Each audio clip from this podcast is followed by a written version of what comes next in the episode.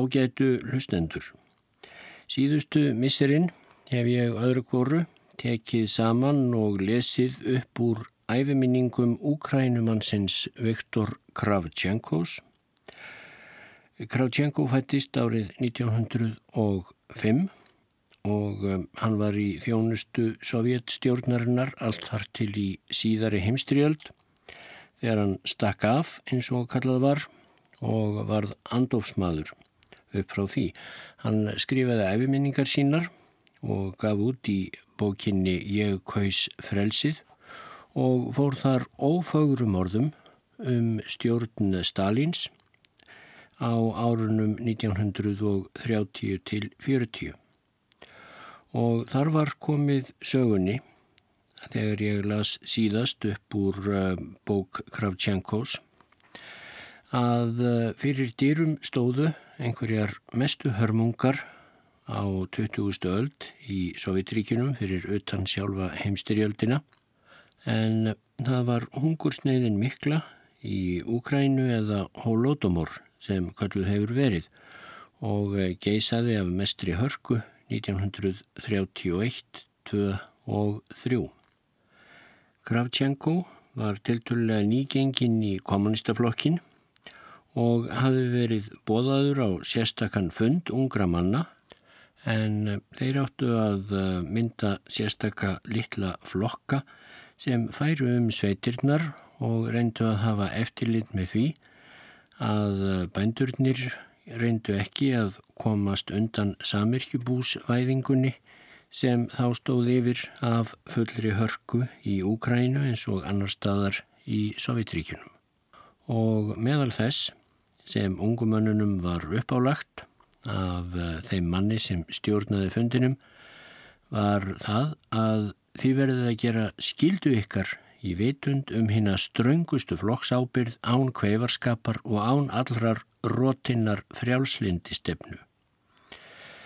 Varpið burgeisa samúð ykkar með bændastjettinni út um glukkan og starfið sem bolsjevikar sem eru sambóðunir félaga Stalin saði yfir maðurinn og ennfremur. Í öðru lagi félagar er alveg bráðunöðsynlegt að framkvæma fyrirætlanir stjórnarinnar um afhendingu korns. Kúlakkarnir og jáfnvel sumir meðalbændur og fátækir bændur skila ekki korni sínu til yfirvaldana. Þeir vilja sitja sjálfur að því. Þeir vinna með því skemdarverk gegn flokksstefnunni. Ætlunarverk ykkar er að ná korninu hvað sem það kostar. Takið það frá bændunum hvar sem þeir kunnað hafa lendi í opnum undir rúmum í kjöllurum eða ef þeir hafa grafið það niður að húsabaki. Heikið ekki við að nota róttækar aðferðir, flokkurinn stendur að baki ykkar sem held félagi Stalin, væntir þess af ykkur. Þetta er barátta upp á líf og dauða, gerið heldur of mikið en of lítið. Nokkru síðar var Kravchenko svo bóðar á sérstakann fund á skrifstofu félaga Brodskís sem átti að sjá um þennan flokk ungumannanna til að fara um sveitirnar. Þrekvaksinn maður með stóra svarta hárkollu satt bak við geysistort skrifborð, skrifar Kravchenko. Félagi Kravchenko, saði hann strax, þekki þér nokkuð til sveitabúskapar. Það ger ég, svaraði ég. Ég átti heima á Samirkjubúi í sveiti í nokkur ár meðan borgarastyrjöldin geisaði eftir heimstyrjöldina. Auk þess tók ég þátt í námskeiðum á landbúnaðarskóla árin 1920 til 21. Ágætt, saði félagi Brodski, það er aðeins fáir í þessum flokksveitum sem þekkja mismunin á kveiti og ílgresi, hvað þá heldur meira. Hann ringdi bjöllu og tveimur öðrum mönnum var vísað inn í skrifstofuna. Annar þeirra var nefnandin Tsvetkov en honum hafði Kravchenko kynst lítilega aðeins skömmu áður og þá hafði ekki farið millir mála að hinn ungi Tsvetkov leitt á Kravchenko sem uh, þá var 25 ára sem uh, fyrirmynd sem hann ætlaði að hafa lærdóm af. Svetkov brosti feimnislega til merkisum hefni sína, skrifar Kravchenko, þegar Tvetkov uppgöttaði að hann ætti að vera í flokki með Kravchenko. En hinn maðurinn sem ég þekkti ekki virtist um færtugt. Helsið hver öðrum, saði félagi Brotski því næst, þið þrýr eigið að vinna saman. Þið eigið að ferðast til Sveitaþorpsins Podgorodnói. Þér, félagi Kravchenko, eigið að bera ábyrð á því að freskingu þar verði lokið. Þér eigið líka að bera ábyrð á því að gert verði við verkværi og vélar. Þér, félagi Tvetkov, eigið hins vegar ásamt félaga Arshinov að koma samirkjubúskaparlæginu á og annast kornsöfnunina.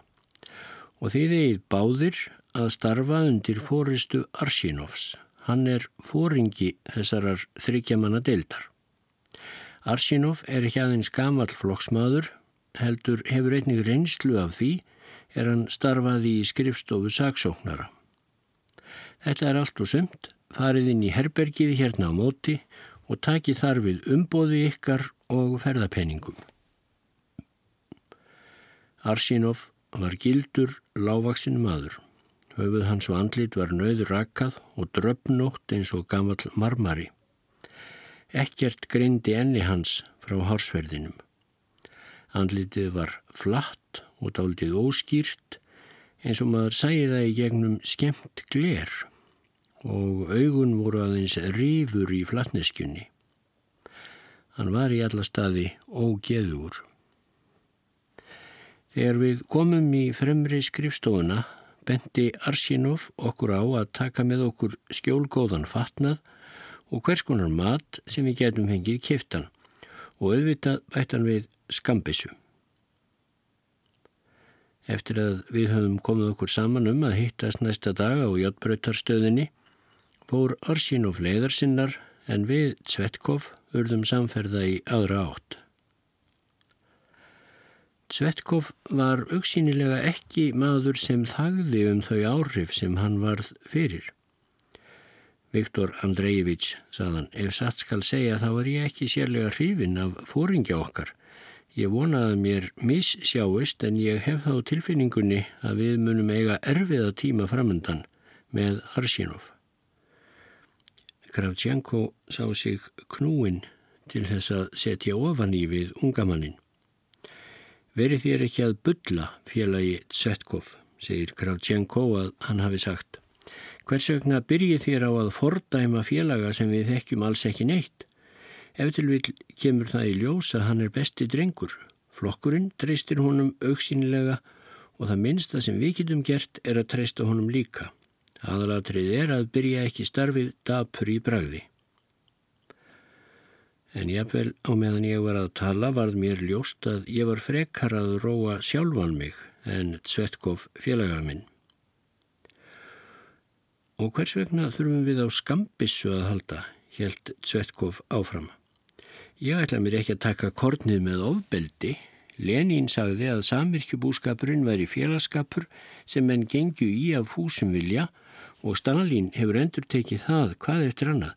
Meira segja á dögunum þá las ég Heyrið mig nú, Svetkov, greip ég fram í. Móðgist ekki, þótt ég tali eins og ég meina, en þér talið enkennilega. Ég hef fulla ástæðu til að ætla að þér séuð fram úr hófi barnalegur, eða þá að þér séuð settur mér til höfuðs, til þess að aðgæta hvort ég tali af mér. Guð komi til, hversu hræðileg tilhugsun, rópaði hann, og það var svo mikil skjelving í röttinni að ég sá eftir hreinskilni minni. Ég er vissum að þér munuð komast að raunum að þér hafið miskilið mig. Einnig að því er snertir barnaskapin.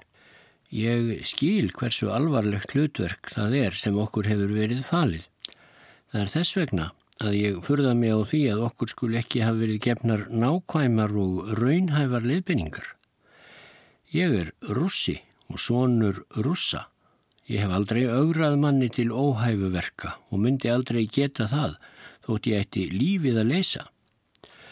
Mér finnst það ræðilegt að mennskuli gruna hvor annan um njóstnir og augranir.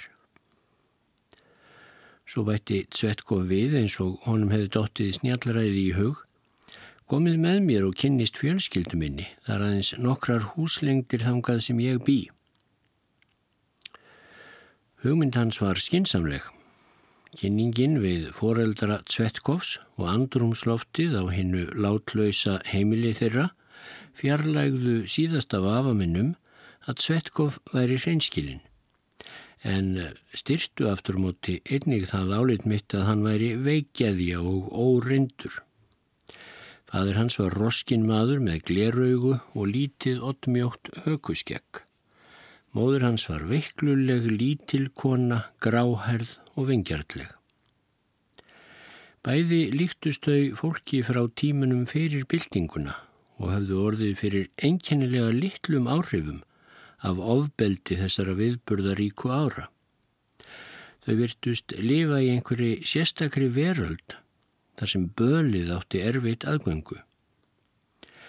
Mér fannst það næstum því ótrúlegt að Svetkov eldri skildi hafa verið flokksmaður frá því fyrir 1917. Það var lítið uppörfandi að rússi sem var að öllu leiti góður maður í fornri og halv glimdri merkingu þess orðs skildi hafa haldið áfram að vera í flokknum eftir allt það sem gengið hafði á frá 1917. En Serjósja saði frút Svetkov í kvörtunartón, hvers vegna hefur þú ekki sagt mér að þú eigir að fara út í sveitaþorpin?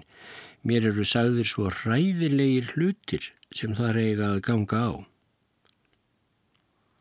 Nei, nei, vina mín, tók maður hennar fram í orðrómurinn um hriðjuverk til að koma á samirkjubúskaparlæginu. Hann er yktur upp úr öllu valdi. Það getur bara ekki verið einn slemt og sagt er. Ég er sjálfur gammal flokksmaður og ég fælst á það að samirkju búskaparlægið sé eina vonin til að leysa landbúnaðar vandamál okkar.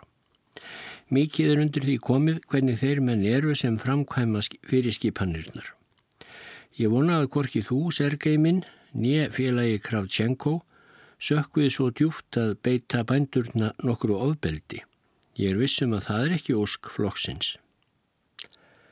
Þegar ég kom heim heldur Kravtjenko áfram, sagði ég fjölskyldu minni að senda ætti mig út í sveitirnar. Fólkið mitt varð bæði eftirvæntingar fullt og áhyggjufullt um hvað byði mín. Þegar ég var háttaður um kvöldið, hyrði ég að drepið var á dyr. Móður mín kom inn. Afsakaðu að ég ónáða þig, vittja minn, saði hún og settist á rúmstokkin hjá mér en ég fæ eftir vil engan tíma til að tala við þig í fyrramálið áður en þú lekkur á stað. Ég veit að sveita vandamálinn hafa lagst þungt á þig og þú ert ekki einnum það. Sögurnar sem við höfum öll heyrt en reyndað að bæla niður eru skjelvilegar. En verdu umfram allt rólegur og hertu þig gegn því sem þú eftir vil kantað sjá. Mundu líka að eitt hér að þeir engin sönnun. Mér þætti sárt ef allt þitt líf sem kommunista eðilagðist vegna einnar sorglegrar reynslu. Og ég veit að þú munt gera hlutskipti hinn að óhamingisömu bænda eins er léttbært og þér er frekka stund. Ég þakka þér mamma mín og verðt ekki áhyggjufull um mig. Ég hef þetta áraðanlega af. Ég veit óskup vel að byltingin er engin leikur. Dægin eftir lögðum við af stað til Podgorodnói.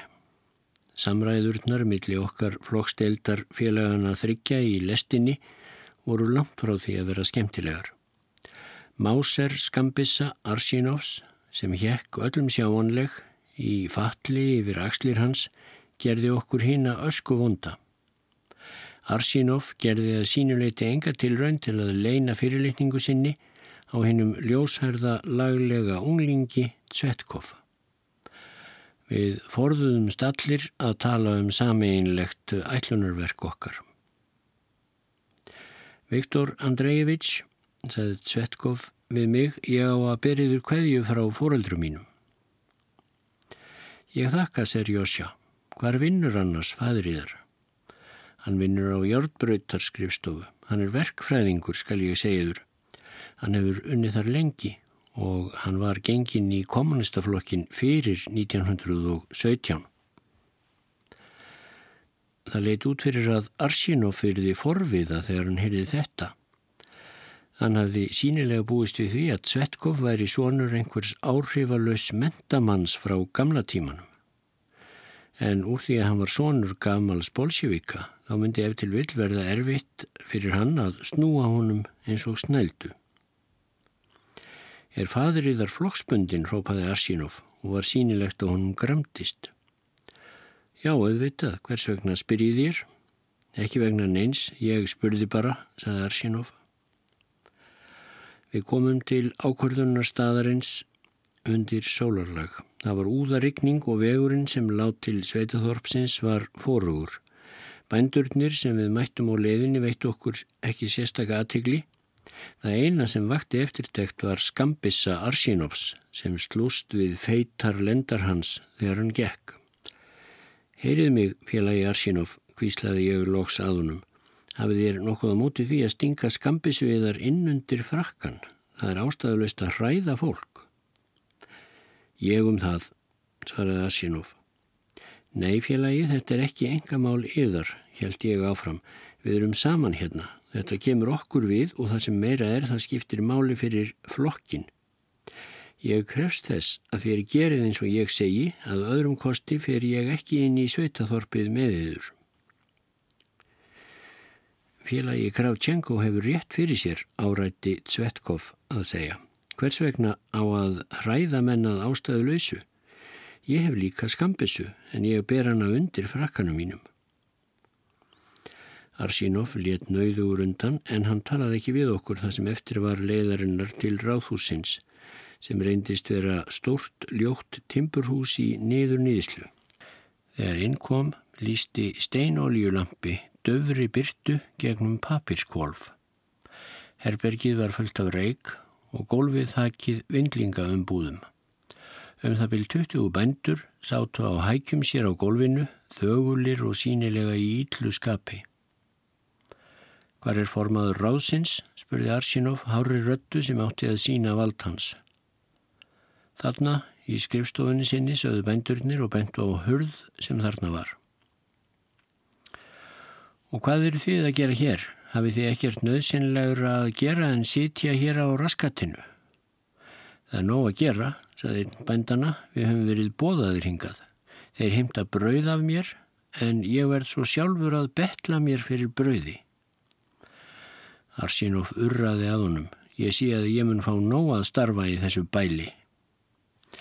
Við gengum með honum inn í skrifstofuna, þreytulegur ungur maður, tóginleitur og dapri bræði satt bak við borð og talaði við gamlan bonda. Við erum flokkstildin og við erum komnir til að hefjast handa, saði Arsinov. Komiði sælir, það gleður mig að sjá ykkur, saði formaðurinn um leið og hann stóð upp og helsaði okkur með handabandi. En andlitsvipur hans var í róplegri mótsögn við orðin. Hann var engan veginn gladur yfir koma okkar. Ég ætla strax að sækja áætlunina og svo getum við byrjað á starfinu. Hvers vegna býða allir þessir bændur þarna úti, spurði Arsínov. Ég skipaði þeim að koma. Það er erfitt að eiga við þessa bændur. Þeir staðhæfa að þeir eigi ekki neitt korn og þar með sé málið útkljáð. Uppskeran í þessum héröðum hefur verið slæm og allir kvíða komandi vetri. Það er alls ekki auðvelt að herja kornið út úr þeim félagar og þeir vilja alls ekki ganga í samirkjubúið. Þótt þeim sé hótað með lífláti þá vilja þeir það ekki. Við skulum við koma í lag, sagði Arsinov og gretti sig. En úr því að þér hafið bóðað þá hingað þá réttast að þér ljúkið við að tala við þá og við hefjumst svo handa í fyrramálið. Formaðurinn kallaði á einn af aðstóðarmannum sínum og kvíslaði að honum einhverjum fyrirskipunum. Aðstóður maðurinn fór svo með okkur út í þorpið. Á aðalgötunni ríkti dapurleg þögn sem var aðeins rofin af hundgá við og við. Á stöku stað sáum við ljós í glugga og reik úr reikháf þegar við komum að stóru húsi sem leitt mun betur út en húsin í kringum það, þá namn leiðsögum aður okkar staðar. Hér eigi þér að búa félagi Arsinov, saðan, ég vona að yður falli það í geð. Síðan fór hann með okkur lengra niður eftir göttunni að sterk byggðu húsi með útbyggingu, litlum gardi og brunni með vindu. Ykkur mun falla vel að búa hér, sagðan. Stupenko fólkið er nýgengið í samverkjubúið. Húsið er hreinlegt og engin smábörn, aðeins roskið fólk og, hann draf titlinga framann í Tvetkov, falleg dóttir. Við hústyrnar tók á mót okkur hár maður á að giska um sextugt, nöður rakaður, að öðru leitin því að hann var með langt að lafandi yfirskjegg eins og týðkaðist áður fyrir í Úkrænu. Hann heilsað okkur fálega en með eðlilegum virðuleik sem mér fjell vel í geð og fór með okkur inn í lítið en snoturt og vel viðkunnanlegt herbergi. Gerið svo vel að koma inn til okkar, saðan, þegar þið eruð búin að snirt ykkur. Ykkur er velkomið það sem Guð hefur gefið okkur en það er endar ekki sérlega mikið. Fjölskyldan satt að snæðingi þegar við komum. Dótturinn í húsinu um það byl átján ára gömul var vissulega eindæl.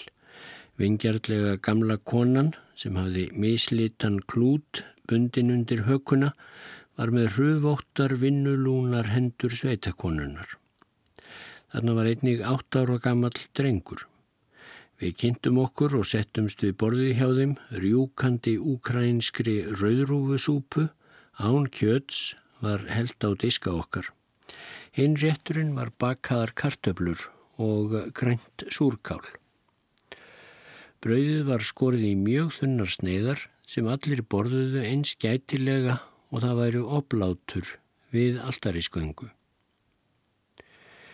Þar eða ég þekkti líf bændana og vissi að venjulega er brauð borið fram í þykkum sneiðum og er reyndar aðalfæðan víðast hvar þá varð mér ljóst að þessi fjölskylda átti við erfiðleika að búa.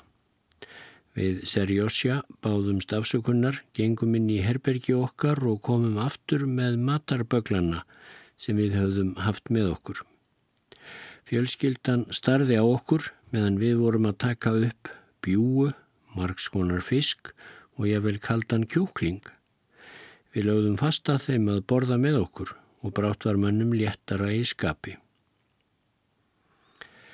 Þökk, kærar þakkir, endur tók gamla konan hvað eftir annað. Þökk fyrir, þökk fyrir, þið komið sannarlega með ánæju til okkar fátæka heimilis. Ég mannvalla hvernig við sáum síðast bjúu og munngæti, bætti maður hennar við. Okkur líður samt betur en flestum hér, en þó er líf okkar full erfitt. Það sem við eigum af mat getur ekki ennst tanga til nýja uppskeran kemur. Ófélagar kvílíkt ástand er í okkar kæru Úkrænu. Ef einhver á brauð þá borðar hann það í laumi til þess að nágrannar hans sjáu það ekki.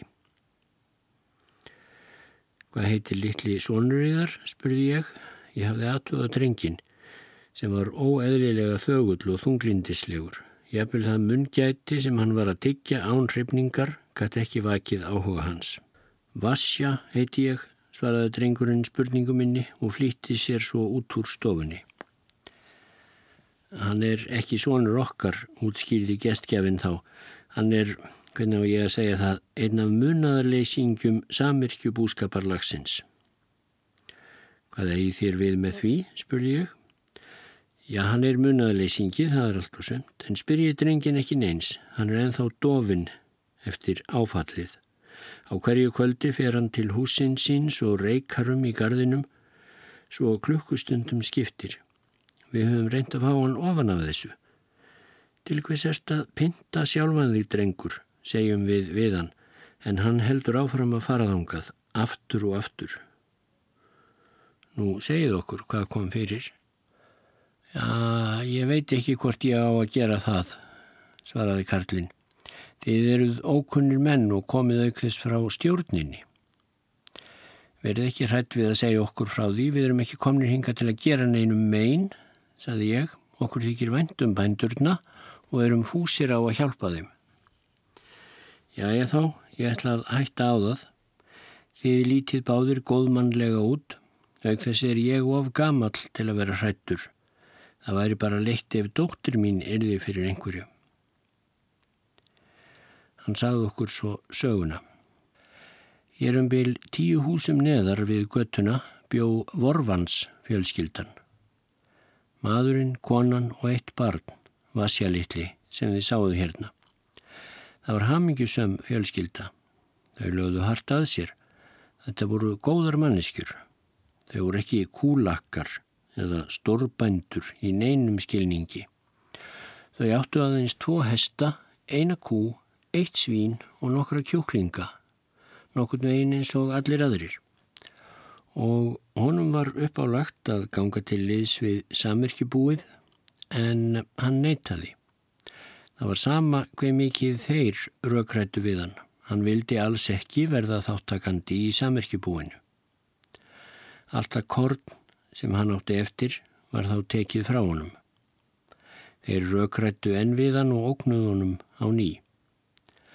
En eh, fjölskyldufadurinn vildi ekki láta undan.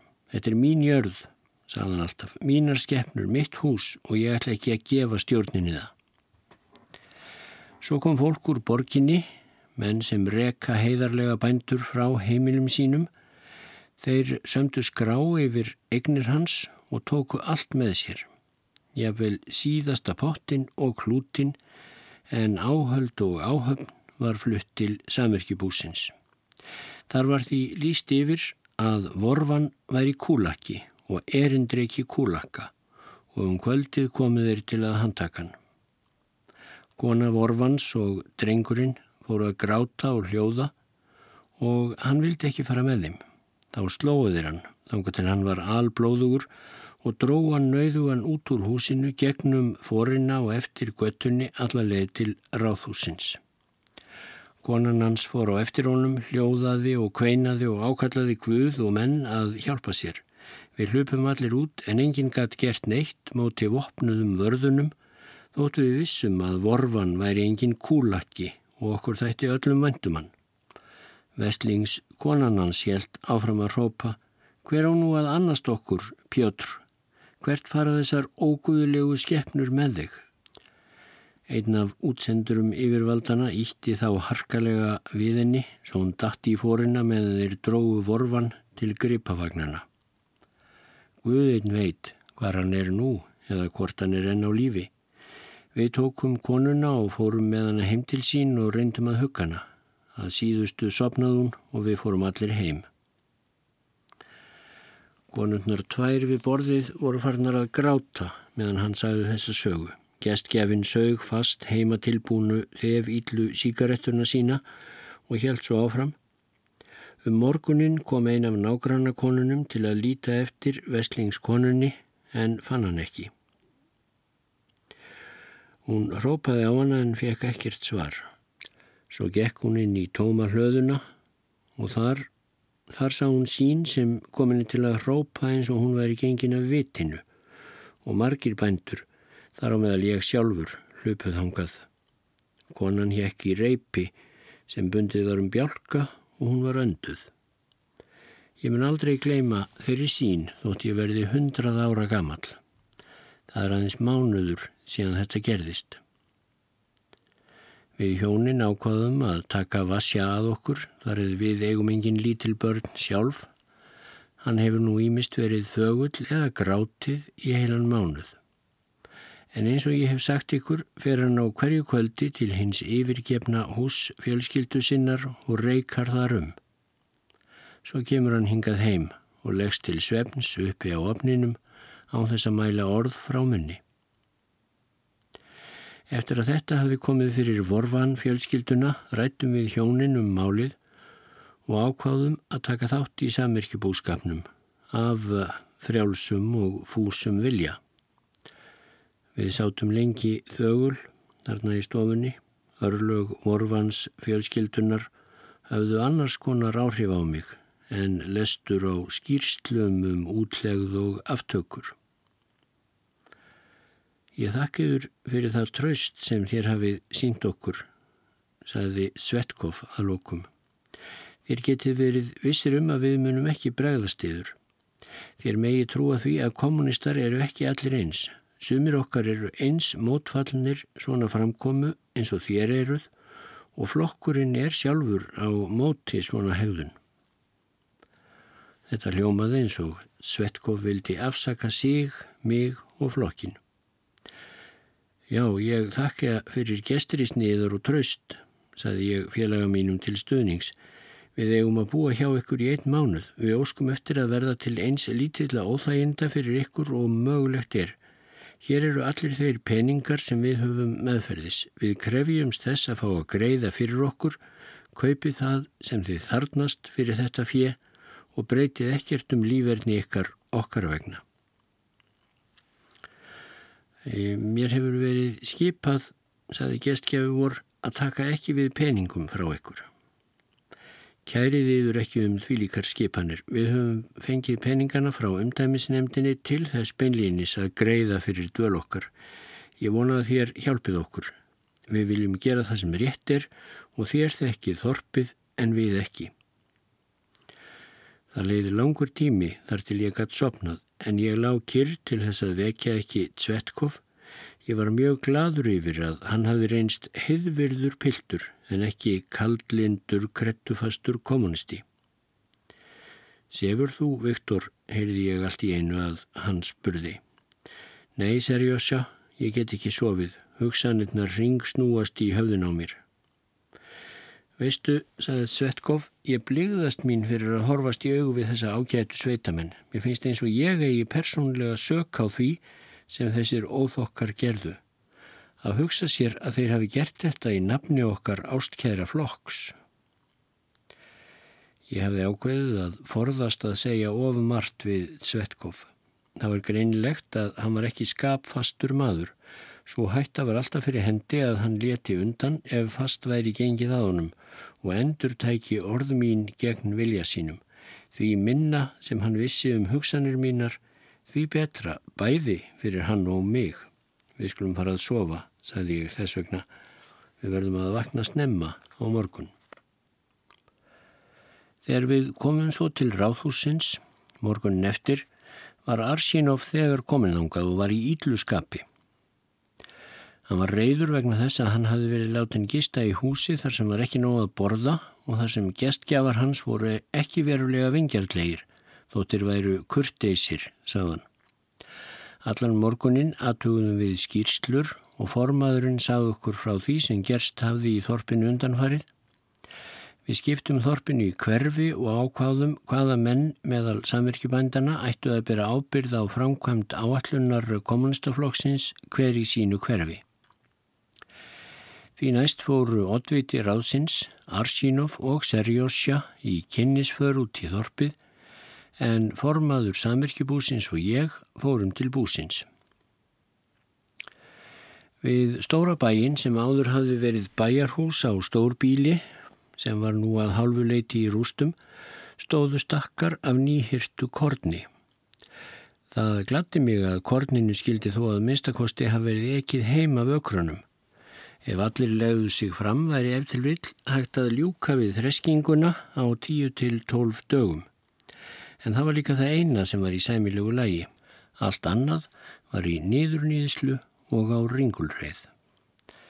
Mikill fjöldi vila og áhalda sem eigundurnir hafðu áður varðveitt eins og dýrgrippi lánu á víð og dreifundir berum himni, skítugt, riðkað og allt úr lægi gengið. Magrar kýr og hestar, þakkinn klepraskánum, þrömmuðu um hlaðið. Hópar af kjúklingum, gæsum og öndum rótuðu í óþrestu korninu. Við gengum inn í hesthúsið. Hestarnir stóðu þar upp í nýja í saur og lásu blöðin eins og haft var að orðtaki í sveitinni þegar gripir standa í húsunum án þess að hafa nokkuð að geta og ekki var betur ástættum kýrnar.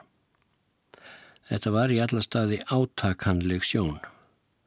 Þetta var ástand sem átti ekkert skilt við eðli úkrænskra bænda. Kallið þegar í stað saman stjórn samirkibúsins, saði ég reyðilega við formannin. Hálfri klukkustund síðar voru þeir menn og konur sem fræðilega séð báru ábyrð á samirkibúinu komin saman til fundar. Andlitsvipur þeirra var ekki uppörfandi.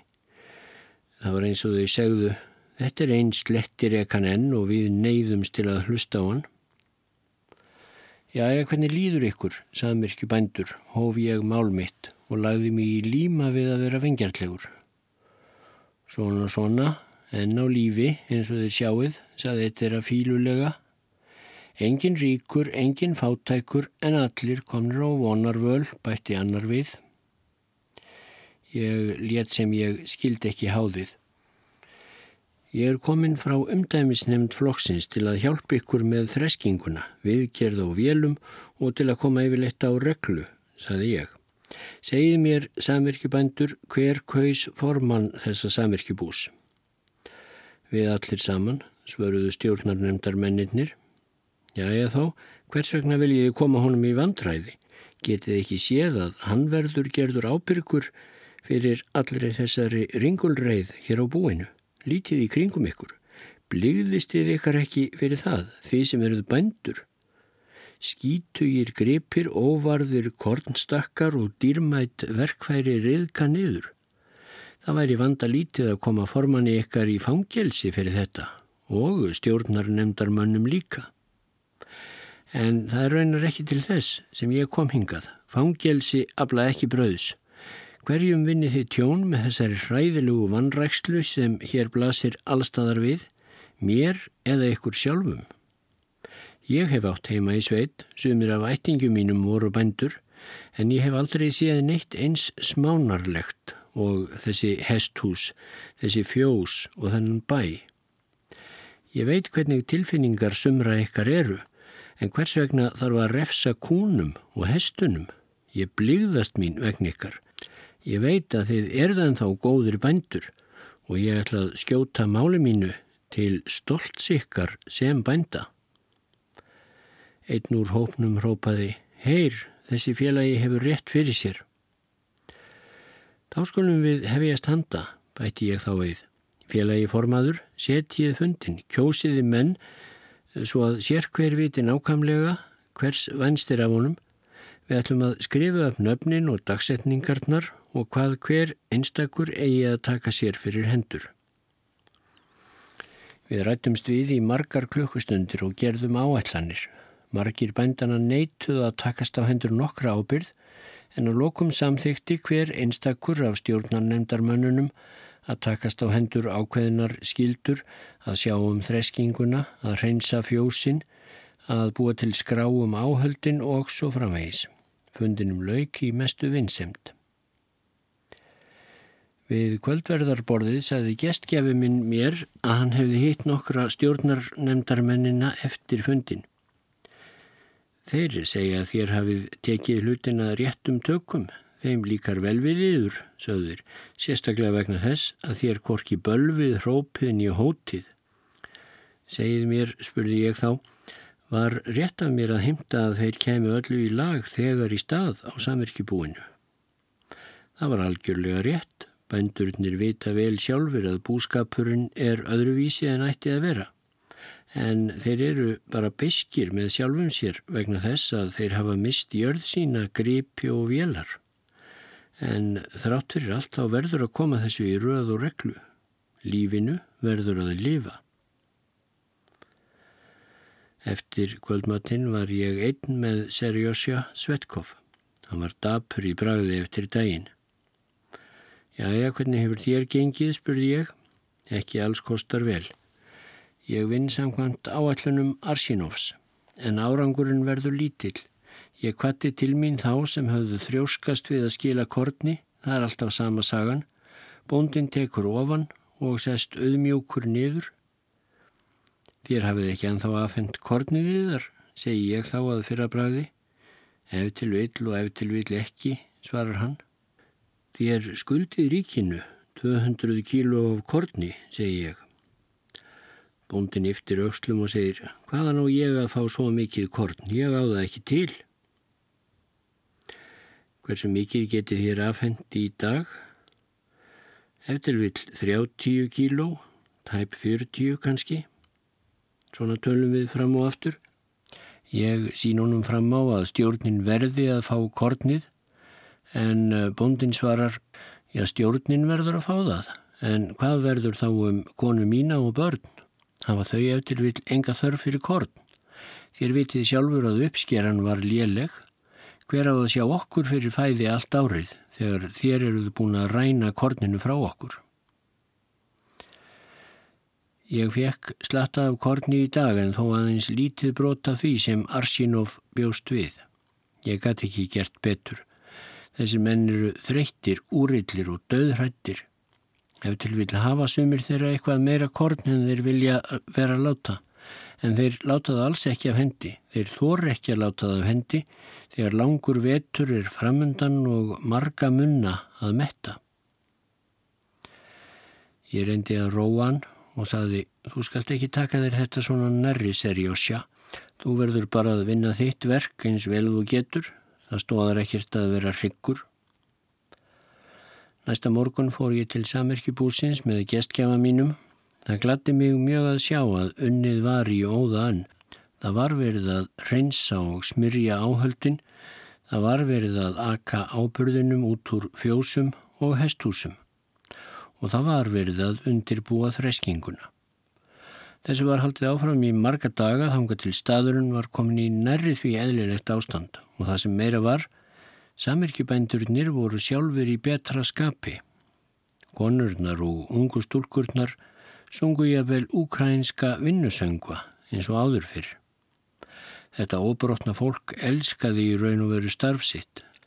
Veðrið var gott og fólkið skildi enþá betur en ég hvers virði heiðskýr dagur er. Rúm vikaleið, viðgerðunum senkaði vegna skorts á nöglum, vír, járni, timbri og öðrum nöðsynlegum hlutum en hugvit bændana var nú kveiknað og bætti upp skortin. En við gáðum þó ekki gert upp reikninga okkar af því að við höfðum engan pappir. Þess vegna var ákveðið að senda Serjósja í einstagsferð til Dnjebro Petrovsk til að kaupa það sem okkur vantaði. Þegar ég kom heim um kvöldið sá ég Serjósja með band í hendinni. Hann var að mæla vassja litla og binda hnúta á bandið. Ég let sem ég það ekki. Dæin eftir meðan Serjósja var í ferðinni þá fór ég til Arsinovs. Hann vissi að starfi mínu miðaði vel áfram og virtist öfundsjúkur yfir velgengni minni. Hann heldi sér yfir Serjósja eða Tvetkov sem hann ásakaði um að vera blauðan vesaling og það sem verra var rótin frjálslindan mannvin. Í gær gerði ég húsleit í nokkrum húsum, saði Arsínov. Það var hjá mönnum sem þessi veikjaði að vinur okkar let sleppa of vel. Allstaðar fann ég korn sem ekki hafi verið talið fram. Ég gerði það allt upptækt umsvegalöst. Þeir ljúa að ráðstjórninni þessir svívirðilegu kúlakka bastardar Ég skal kenna þeim leksíu sem þeir skulu aldrei gleima. Ég átti tal við hérraðsnemdina í dag og þeir lofuðu að veita mér stöðning. Á fymtudaginn mun skrýða til skarar. Nú hvað gerist þá, spurði ég. Ég um það, svaraðan aðeins. Við unnum að freskingu allan sunnudaginn. Ég þurfti ekki að íta á bændurna til að gera það Jafnvel þeir sem guðræknastir voru skildu að tíminn var naumur.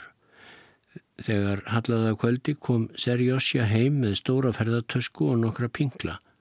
Hann kom með gjafir handa allri í fjölskyldunni, bækur handa dótturinni, tvinna handa móðurinni, tóbak handa gamla stúpenkó.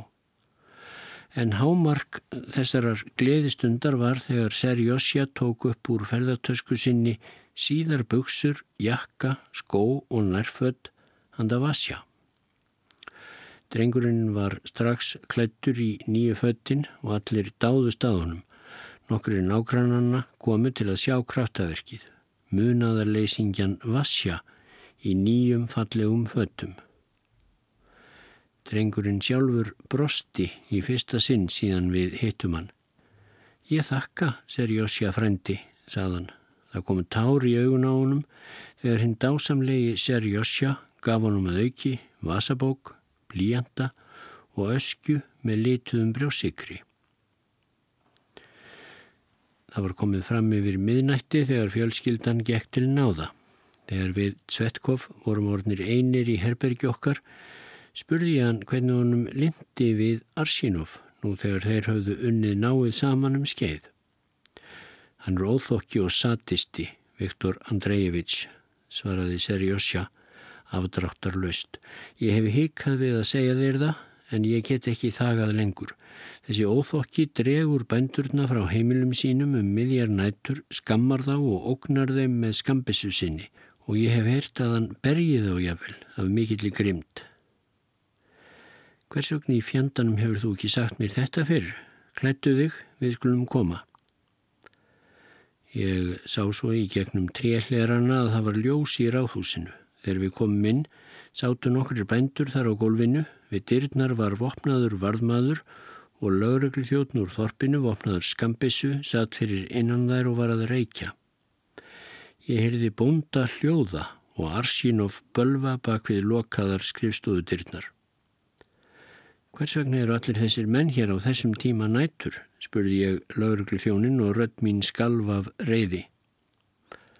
Hann stökk á fætur og saði félagi Arsínov er eins og venjulega að ná kortni af bændunum og ja, rappa dáliti við þá sem vil ekki taka þátt í samirkjubúinu.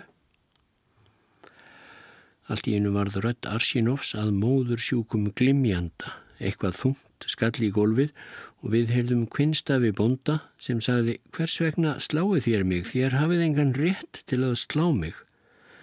Þá öskraði Arsínov. Laurgljótt hendi þessum ræfli niður í kælirúmið. Ég skal kenna þér kúlakka rottaðinn. Laurgljóttnin þauðt í átt til skrifstofunnar. Ég greip í handleikin á honum. Verið kyrr, sagði ég.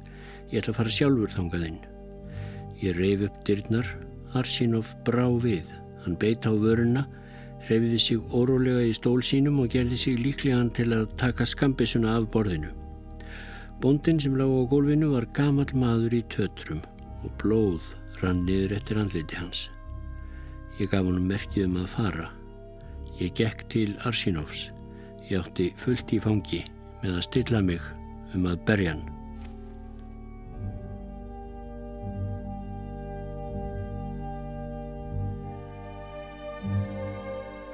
Það verður að vera framhald af þessum þætti, er það ekki? Fylgist með í næsta þætti þegar hungursneiðin skellur á af alvöru.